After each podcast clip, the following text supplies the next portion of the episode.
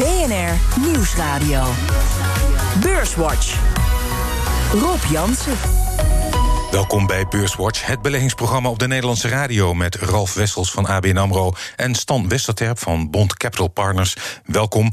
Als ik kijk naar de beurs deze week, dan lijkt het een beetje, voor mijn gevoel althans, op dansen op een vulkaan. Ene keer zorgen over de nieuwe coronagolf, dan weer optimisme. Vandaag bijvoorbeeld op Wall Street over de Amerikaanse winkelverkopen. Al met al kan je zeggen, de beurzen houden zich redelijk goed. Um, Stan, hebben beleggers voldoende oog voor de risico's?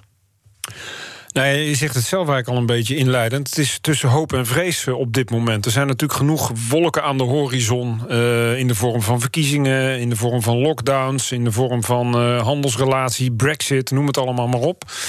En toch zie je dat de markt uh, het, het, inderdaad redelijk goed houdt. Uh, ook omdat ik denk dat de markt toch probeert vooruit te kijken over die donkere wolken heen. En dat we vermoedelijk over een half jaar veel beter weten waar we voor staan. En wellicht ook economisch veel, in ieder geval de zon meer schijnt zoals die nu schijnt. Daar ga je ook vanuit, Golf? Ja, ik zeg dat de markt, eh, de markt zit al ergens in het voorjaar. en kijk naar de zomer, waar als je er gewoon verwacht nou, gaat ervan uit dat vanaf het tweede kwartaal de, uh, het herstel van de wereldeconomie uh, solide zal zijn en zeg maar duurzaam. En de markt gaat er ook vanaf vanuit dat zeker in de zomer er meerdere vaccins zijn, maar in ieder geval vanaf het tweede kwartaal. En ja, de beurs loopt vooruit. Het was de week waarin zowaar een positief geluid was te horen uit de luchtvaartsector. Van Ed Bastian van Delta Airlines. At the peak of the pandemic we are at 10% versus 19. Third quarter we're at 20%. We expect the fourth quarter to be somewhere between 30 and 35% of the fourth quarter numbers. So steady improvement. It's slow, but clearly consumers are getting more confidence in travel. En Phil LeBeau van CNBC was wel te spreken over de cijfers van Goldman Sachs. Goldman Sachs, these numbers, the, the estimate was 557 This is like the good old days, if this is clean. 968 versus 557 for Goldman Sachs. Revenue 10.78 uh, billion. That is also uh, above an estimate of 9.46 billion. Maar de uitkeringsaanvragen in de VS, die lopen langzaam weer op. Initial jobless claims actually moving higher, but it is the seventh in a row in the 800,000 camp at 898,000. So only by 2,000 do we escape a new handle of 900,000. Ja, die uitkeringsaanvragen in Amerika die blijven uh, stug uh, hoog. Dit was het slechtste cijfer. Nou, ik zie jou, uh, Ralf, knikken zo van... nou, dat valt wel mee. jij vond het wel oké? Nou, uh, ik focus me meer op de continuing claims. Ja. En die zie je in uh, drie weken tijd of twee weken tijd. Uh, nee, sorry, in een maand bijna 3 miljoen zakken. Ja. Uh, en dat is de trend uh, die positief is. Wat interessanter is, maar dat krijgen we niet wekelijks uh, te horen. Maar met de, de maandelijkse non-farm payrolls, ja. daar zagen we dat de participatiegraad afnam. Ja. dus dat is meer iets waar we op moeten letten. Nou ja, ik heb ook begrepen, want jij zegt terecht die, die, die continuing claims, dus die mensen die al langer aan het loket verschijnen, dat daalt wel. Maar ik heb ook gelezen dat die mensen niet naar banen gaan, maar naar een andere vorm van een langduriger uitkering. Dus dat dat niet per se betekent dat de banenmarkt eh, echt herstelt. Nou, nee, ja, on, zo, nee, ja, zo vandaag ja. die participatiegraad inderdaad. Ja. Die daalt. Dat je misschien wel ziet dat mensen gewoon helemaal stoppen met, uh, met zoeken of uitkering aanvragen. Dus het zou in die zin ook een slecht teken kunnen zijn. De onderliggende trend is natuurlijk wel dat de uh, definitieve werklozen die neemt wel in rassen, met rassenscheden toe. En, en, dat zijn getallen die we ook gewoon in de, in de financiële crisis van 2008 en 2009 hebben gezien. Ja. Gek genoeg kwam het IMF deze week met iets minder sombere cijfers. Uh, een minder sombere prognose over de economie. Dat terwijl wij hier in Europa in ieder geval gebukt gaan. En ik hoor net dus ook eh, in Amerika onder een enorme toename van het aantal besmettingen. Um, minder somber het IMF. Hoe realistisch is dit, Stan? Nou ja, kijk, uh, laten we eerlijk zijn. De onzekerheid rondom het coronavirus is natuurlijk veel kleiner dan zes maanden geleden. Toen werden we echt als, uh, als donderslag bij helderen helemaal geraakt, zeg maar. En inmiddels weten we wel beter waar we aan toe zijn. Ondanks dat de besmettingen, of de positieve testen in ieder geval, een stuk hoger zijn dan, uh, dan destijds. Ja. Misschien ook dat we meer testen. Nou goed, er zijn allerlei natuurlijk um, verhalen over bij te bedenken. Um, maar nogmaals, ja, als je vooruit kijkt dan kan je er toch wel van uitgaan dat ergens de komende zes maanden veel van deze problemen opgelost zouden moeten worden. Of in ieder geval dat er meer duidelijkheid over komt. En ik denk dat dat heel erg belangrijk is om, om ook proberen te kijken over deze periode heen te zien. Ook als het op voorspellingen voor de reële economie uitkomt. Ik denk dat het IMF daar, daar ook dan van uitgaat. Hm. Als je kijkt naar, in dat rapport kwam ook, uh, Ralf, naar voren dat China het ontzettend goed doet. Uh, of althans, hun verwachten, ze verwachten daar groei voor het hele jaar. Uh, hun import steeg in het derde kwartaal sterk. Kunnen wij daar op de een of andere manier nog van profiteren in Europa of de wereldeconomie? Nou, dat is juist opvallend. Dat eigenlijk het herstel van China. of China trekt niet de rest van de wereld mee. Nee. Maar het grappige is natuurlijk ook weer dat China nu natuurlijk ook weer met zijn vijf jaar plan is gekomen. En daarin hoor je Xi juist expliciet noemen dat het vooral om de binnenlandse markt gaat die, die uh, zeg maar aangezwengeld moet worden. Om mhm. daarin te investeren. Uh, nu zijn er wel geluiden die, die ook laten.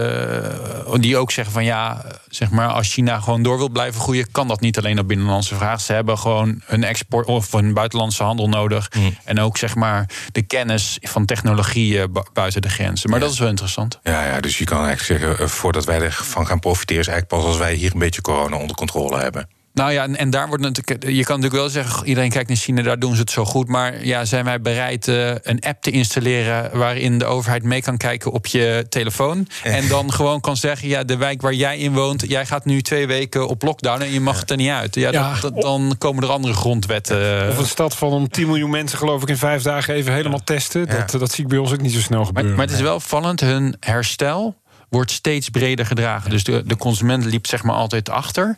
En dat zie, die komt nu ook steeds meer uh, om de economie te uh, ondersteunen in China. Even heel kort. Um, nieuws van vandaag is toch wel dat Boris Johnson lijkt aan te sturen op een harde brexit. Beleggers negeren dat volkomen. Uh, terecht. Ja, ik denk, uh, we hebben wel vaker harde retoriek vanuit uh, Groot-Brittannië gehad de afgelopen vier jaar uh, in verschillende personages. ik denk dat dat ook onderdeel is van de onderhandelingsstrategie, omdat ze nog aan het praten zijn in, met Brussel. Dus ja, ze zijn er nog niet uit. Maar de deadline komt wel steeds dichterbij. Ja. Uh, en laten we hopen dat onder, onder de juiste druk alles vloeibaar wordt en dat we eruit gaan komen. Want anders, met name voor Groot-Brittannië ook, dan, dan gaat dit echt een hele zware dobbel worden in een crisis waar we al middenin zitten. Maar, maar, dat is net het punt. Ik moet je eerlijk zeggen, al sinds het referendum vraag ik me een beetje af waar we het over hebben. Want de hele brexit wordt gespeeld via de pond, is mijn mening. En dat zagen we al de dag na de uitslag van het referendum. Want de aandelenmarkt stond licht in de plus, maar de pond ging wel 15% eh, naar beneden. Dus de meeste pijn is voor uh, het VK. Dan is het rimpel-effect het grootst naar Europa. Maar voor de rest van de wereld wordt het dan heel snel minder. Hm. We gaan naar bedrijfsnieuws. En best wel uh, opmerkelijk ook. Uh, volgens Bloomberg heeft het Zweedse investeringsfonds EQT zijn oog laten vallen op KPN. Het is niet de eerste keer dat het bedrijf onderwerp van geruchten is. En EQT heeft in Nederland al een glasvezelnetwerk. Uh, Stan, denk jij, uh, zie jij het wel zitten, een overname van KPN door EQT? Ja, maar ik zie al 15 jaar een overname van KPN zitten. En er zijn verschillende partijen die het geprobeerd hebben. En ik kom elke keer uh, van een koude kermis thuis. Ja. En onze grote Mexicaanse vriend Carlos Slim heeft het natuurlijk nou, bijna tien jaar geleden geprobeerd. Ja. Uh, nog een andere partij kwam er tussendoor. Het, het, het zou kunnen, alleen je hebt natuurlijk met een hele krachtige beschermingsconstructie te maken. Aan de ene kant kan de overheid zeggen vanwege veiligheidsrisico's mag het niet. En we hebben ook nog Stichting Continuïteit KPN. Ja, als je die verkeerd aankijkt, dan, dan zeggen ze ook gewoon nee. Dus uh, ja, het moet wel uh, aan alle kanten kloppen, zeg maar. Mm. Dit is wel een club die inderdaad in Nederland al in glasvezel zit. Delta Fiber, ja. geloof ik. Ja, het, ik zie wel de combinatie en die consolidatie in die sector, laten we eerlijk zijn, is gewoon wel, wel nodig. En dat zie je ook in landen om je heen gewoon al jarenlang gebeuren natuurlijk. Ja maar ja, KPN hoeft niet, hè? In principe alle plannen die ze hebben, kunnen ze uitvoeren. Dus dan moet het inderdaad zijn, uh, wordt, is het bot goed? En nou ja, onze analist die zegt, uh, die vindt op momenteel zonder het bot al uh, dat KPN 50% ondergewaardeerd is. Ja. Dus, dus dan moet er echt een fors bot komen. En dan is het vooral aan management, ja, spreekt de strategie aan van die partij. Ja. Maar ja, voor zover ik begrijp, zijn pas beginnende gesprekken. Ja. Ja, nou ja, en, en ik zou zeggen, wat jij zegt, Stan, is waar. Het is uh, heel sterk beschermd met die stichtingen en dergelijke. En ja, ik zou zeggen, als Carlos Slim het niet uh, over mag nemen, waarom zij dan wel? Ja, ja, men heeft dan toch meer vertrouwen misschien in een Scandinavische club... dan, laat ik het maar gewoon zeggen, dan in een, in een Mexicaanse telecomboer. Mm. Uh, maar nogmaals, dat moeten we gaan zien. Ik ben het wel met Ralf eens dat als je kijkt naar de waardering van KPN... er zit totaal geen overnamefantasie in, whatsoever. Als je kijkt naar free cashflow of, of dividend gewoon... ja, dat is eigenlijk heel solide met een hele uh, uh, ja, sustainable business eigenlijk, telecom. Makkelijk te, te doorgronden, makkelijk te begrijpen. Ehm, er zijn maar een aantal aanbieders op de markt. natuurlijk wel grote investeringen. Vandaar ook dat die consolidatie eigenlijk wel logisch zou zijn. Hmm. Maar ja, wat, wat Ralf ook terecht zet, KPN hoeft niet. Ik bedoel, er zijn geen verplichtingen en er zitten gewoon sterke beschermingsconstructies omheen. Dus je moet wel als vrienden tot elkaar komen. Een vijandig bod heeft sowieso geen zin. Nee. En, en ja, zou je dan, Ralf, als belegger erop kunnen gokken van nou, misschien komt er zo'n groot bod eh, eh, KPN inslaan, of zeg je van nou, eh, doe maar rustig? ja, ik, ik, zou je eerlijk zeggen dat ik met. Nou ja, KPN is dan zeg maar ondergewaardeerd. Maar het, mm. heeft natuurlijk lang in een moeilijke markt gezeten. We focussen ons, ons allemaal op 5G. Ja. Dat wordt een veel beter mo verdienmodel dan 4G. Want dat hebben ze eigenlijk nooit terug kunnen uh, verdienen. Ja. Uh, maar ik wil nog wel eigenlijk een beetje. Ik, ik, wil, ik kijk, focus maar nooit te veel op een individueel bedrijf. Nee. Ik wil meer de trend in de sector zien. En daar zou ik persoonlijk iets meer uh, bewijs van willen zien. Dat het daar. Uh, nou, dat je ziet, oké, ik zie het inderdaad dat het een goed verdienmodel is. En dat je zegt van oké, go.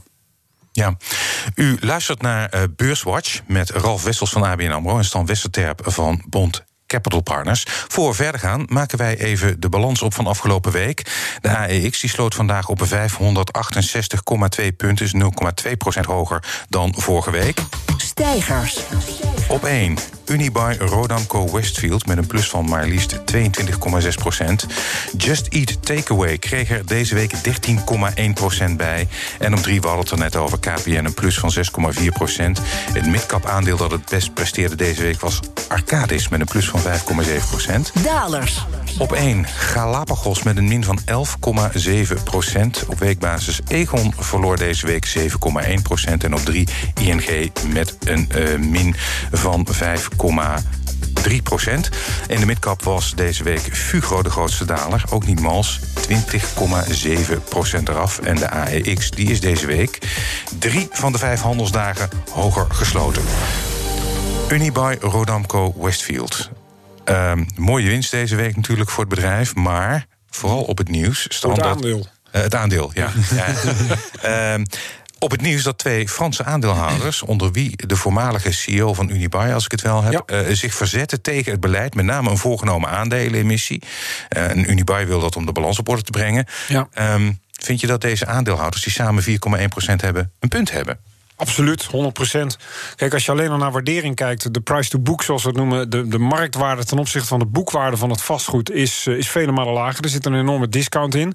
Nou kan je altijd afvragen: oké, is die boekwaarde ook echt daadwerkelijk? Kan je het daarvoor verkopen? Maar de discount is wel dusdanig groot dat ik ook zou zeggen: kijk, als je naar het schuldprofiel kijkt van Unibail, dan hebben ze veel te veel leverage, ze hebben veel te veel schuld op de balans staan. Maar het is niet zo dat dat morgen meteen weg moet zijn. Ze hebben ook nog een grote cashpositie.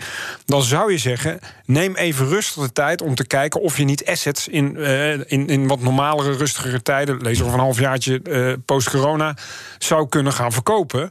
En daarmee een stuk van die schuldenlast afbouwen. Om meteen maar weer uh, ja, die, die, die rekening bij de aandeelhouders neer te leggen op het diepste punt in de afgelopen 20 jaar, geloof ik, eh, van de koers eh, van het bedrijf. Ja, dat is gewoon, uh, wat mij betreft, niet heel erg fair of realistisch. En vandaar dat ik heel goed begrijp, wij zitten er niet in, maar dat de oud-CEO zegt met, met een paar rijke Fransen achter zich, want er zit echt kapitaal achter. Van jongens, dit is een heel erg slecht idee. wij, wij gaan hier niet mee akkoord. En gezien de stijging van, van het aandeel, denk ik dat er meerdere aandeelhouders zijn die daar zo over denken. Ja, ja dat is natuurlijk ook hun strategie. Dat ze er meer meekrijgen. En natuurlijk het argument van ja, misschien kan je ook nog wat meer desinvesteren. En niet meteen inderdaad uh, nieuw uh, aandelenkapitaal uh, uitgeven. Mm. En daarmee ook je balans op orde brengen. Maar ja, wat, wat, het is natuurlijk wel de vraag... Uh, stel over een half jaar, het is uh, achter ons en een vaccin... We gaan, gaan we dan weer met z'n allen weer shoppen? Of is daar toch ook nog iets nou, structureel in Dat zou mijn volgende vraag zijn inderdaad. Want uh, met de winkels gaat het nou niet bepaald best. Ook al voor corona. Ja, hè? ja maar het, het mooie was van natuurlijk Unibail Rodamco... dat je die zat natuurlijk wel aan de top. Dus die hadden altijd wel van, ja, je gaat naar een winkelcentrum... dan moet je een shopping experience hebben. Dus we hebben live muziek, kooksessies, noem het allemaal maar op. Of de kinderen kunnen in de ballenbak. Dus daar zijn ze altijd goed mee bezig geweest. En ik kan me niet, ondanks dat we online steeds meer doen, kan ik me niet aan de indruk onttrekken. Zeker na een jaar corona. En dat we weer eens gewoon leuke dingen willen doen. En voor een heel groot deel is dat toch, toch eh, winkelen. Ja, ja, je ziet wel gewoon die omzet jaar in, jaar uit dalen. En dat is gewoon geen prettige trend. En die is versneld door, het, eh, door corona natuurlijk. Um, en ik denk dat die trend, uh, ondanks die de versnelling die er nu is geweest, dat die gewoon doorzet. Uh, je ziet alles gewoon naar online gaan, laten we heel eerlijk zijn. Ja, dat heeft gewoon structureel gewonnen. Dat heeft structurele problemen. Dus daarom is het ook een sector waar wij niet heel erg graag en simpel in beleggen. Alleen als je naar waardering gaat kijken, van oké, er staat nog wel steeds gewoon een, een, een, een object dat een bepaalde waarde heeft. En de markt heeft daar totaal geen oog voor. Mm. Om in zo'n oog van de storm een enorme verwaterende aandelenemissie te gaan doen, ja, dat, dat, dat, dat, dat kan ik me ook kan ik eigenlijk ook niet rijmen. En eh, ik vind ook dat het management daar eigenlijk te weinig aandacht voor heeft. Laten we eerst eens kijken wat voor assets je van de balans kan halen. Je hebt geen haast om het, om het volgende week allemaal af te lossen. Dus uh, even een stap terug en uh, terug naar de, naar de tekentafel. Ja. Fugro, uh, over stormen gesproken. Ja. Uh, een vergelijkbaar verhaal. Deze week 21% eraf. Omdat daar ook uh, aan een aandelenemissie wordt gewerkt. Enorme afstraffing dus. Terwijl volgens analisten het eerste half jaar niet eens tegenviel bij Fugro. Um, die schuldratio. Wat zeg je? Die schuldratio. Ja, die is absurd. Ja, ja, nou, dus, ja, dus daar moet iets aan gebeuren. Ja. Dus hier, hier kun je niet zeggen, zoals bij uh, Unibuy, van wacht even, hier moet er eigenlijk wel uh, een emissie komen. Ja. Of nou ja, die, die, balans moet gerepareerd worden. En dat is dan het, uh, het, het, snelste. Ik ben meer verbaasd over hoe dat nieuws tot de markt is. Uh, ja, dat was ook bizar. Ja. ja. Dat was een, een snapshot van, van, van een persbericht dat eigenlijk maandag pas had uit moeten komen. Een foto ineens werd. ja, toen was het hek van de dam natuurlijk. Ja, maar en dan ook nog niet eens gewoon dan maar meteen oud in die open met het nieuws komen, dan, dan, dan nog een beetje ja, te zijn tijd komen met nieuws. Maar ik geloof dat ze vandaag hebben gezegd dat ze in vergevorderde stadium zijn van de gesprekken. Ja, en ik heb ook begrepen dat de AFM ook uh, zich even gaat buigen over de vraag of dit, uh, of dit wel helemaal uh, volgens de regels is gegaan.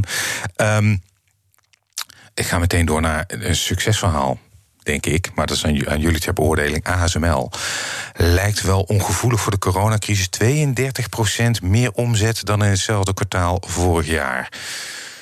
Dus dan komt er ooit een einde aan het succes van ASML. Nou, sterker nog, ongevoelig voor de coronacrisis. Ze laten juist zien dat hun bedrijfsmodel uh, bestendig is, uh, ook in dit soort tijden. Ja. Uh, en dat de groei van, uh, want daar gaat het natuurlijk onderliggend om, de groei van de verkoop van chips, ja. dat dat wereldwijd gewoon doorzet. groot afnemer TSMC kwam ook weer met waanzinnig goede resultaten. En ASML verdient echt een premie. Zij zijn gewoon echt marktleider op, op hun gebied. Die EUV-machines die ze steeds meer gaan verkopen, zitten hogere marges op. En daar zijn zij eigenlijk gewoon gewoon ja, de, de beste ter wereld in, zo niet de enige. Um, en ook voor volgend jaar eh, was de outlook uh, uh, vrij goed. Uh, mm. Dubbelcijferig, wel aan de lage kant. dubbelcijferige groei verwacht. En de markt vond dat nog een beetje tegenvallen, waardoor die aandelen wat negatief reageerden. Maar als je naar, naar die kwartaalresultaten keek, ja, die waren gewoon echt, echt goed. Ja, must have voor beleggers, Ralf?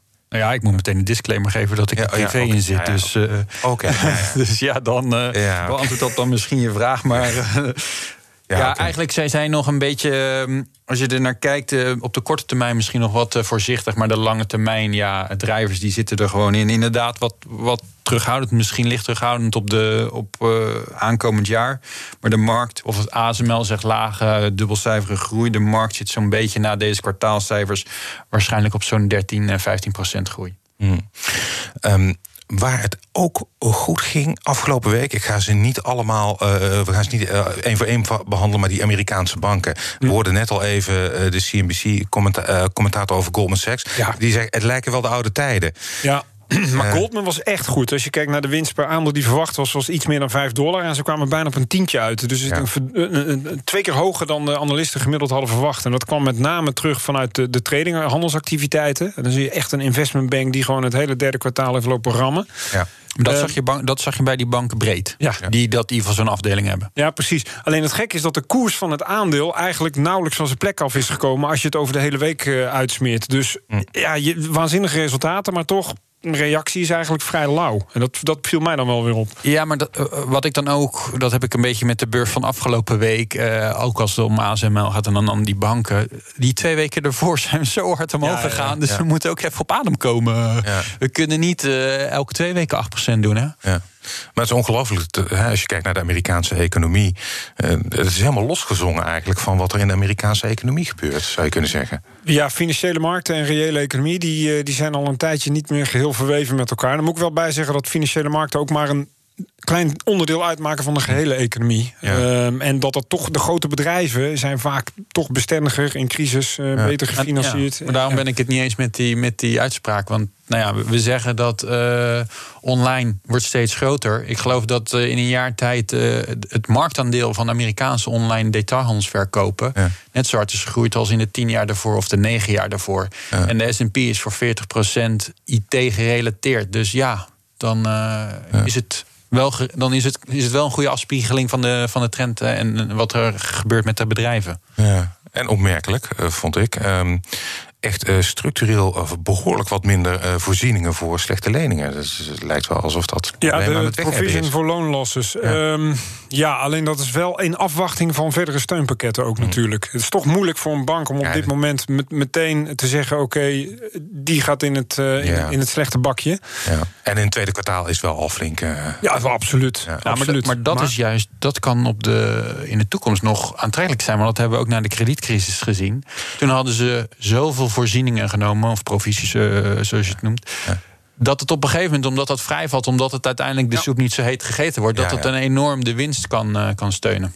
We gaan het zien. Bij de Nederlandse banken wellicht ook nog. Ja. We zijn alweer uh, aan het einde van de uitzending gekomen. En dat betekent dat jullie uh, een tip mogen geven waar de, beluisteraar, waar de luisteraar met spanning op wacht. Stan, ja, ik, dit moet ik toch even een keuze. Ik wil nog heel even mijn vrienden uit Breda van cm.com benoemen... die enorme omzetgroei lieten zien. Uh, ja. 70%, uh, meer dan 70% plus kernomzet. Echt uh, waanzinnig goed. Ook weer echt zo'n zo'n zo'n anti-corona-belegging, zeg maar.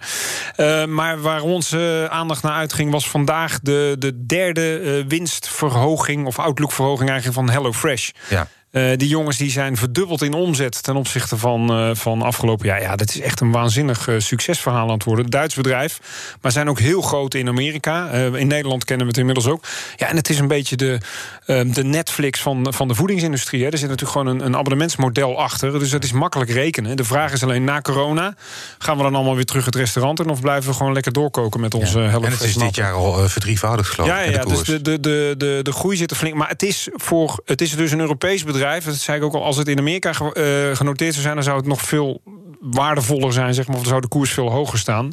En ik denk wat dat betreft dat je nog wel wat we noemen growth at reasonable price kan, uh, kan krijgen bij HelloFresh. Oké, okay, HelloFresh.